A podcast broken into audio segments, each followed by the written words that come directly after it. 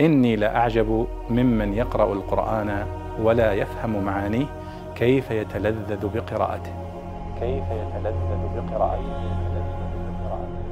ورد سؤال عن معنى قوله ردف في سورة النمل في قوله قل عسى أن يكون ردف لكم بعض الذي تستعجلون. يقول ما معنى ردف؟ فالجواب أن ردف هنا بمعنى قرب أو عجل. قل عسى أن يكون ردف لكم بعض الذي تستعجلون أي قرب ومنه مردفين. المردف هو ال الذي يلاصق الراكب.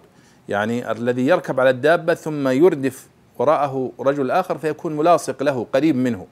فكذلك ردف هي قرب مأخوذة من المرادفة بمعنى الملاصقة أو القرب أو التتالي. فإذا قل عسى أن يكون ردف لكم أي عسى أن يكون قرب آه، لكم الذي تستعجلون وهو القيامة والحساب الذي تنكرونه وترفضون الاستسلام والانقياد له.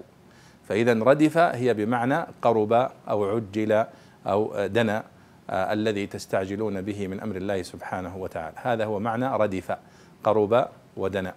والله أعلم.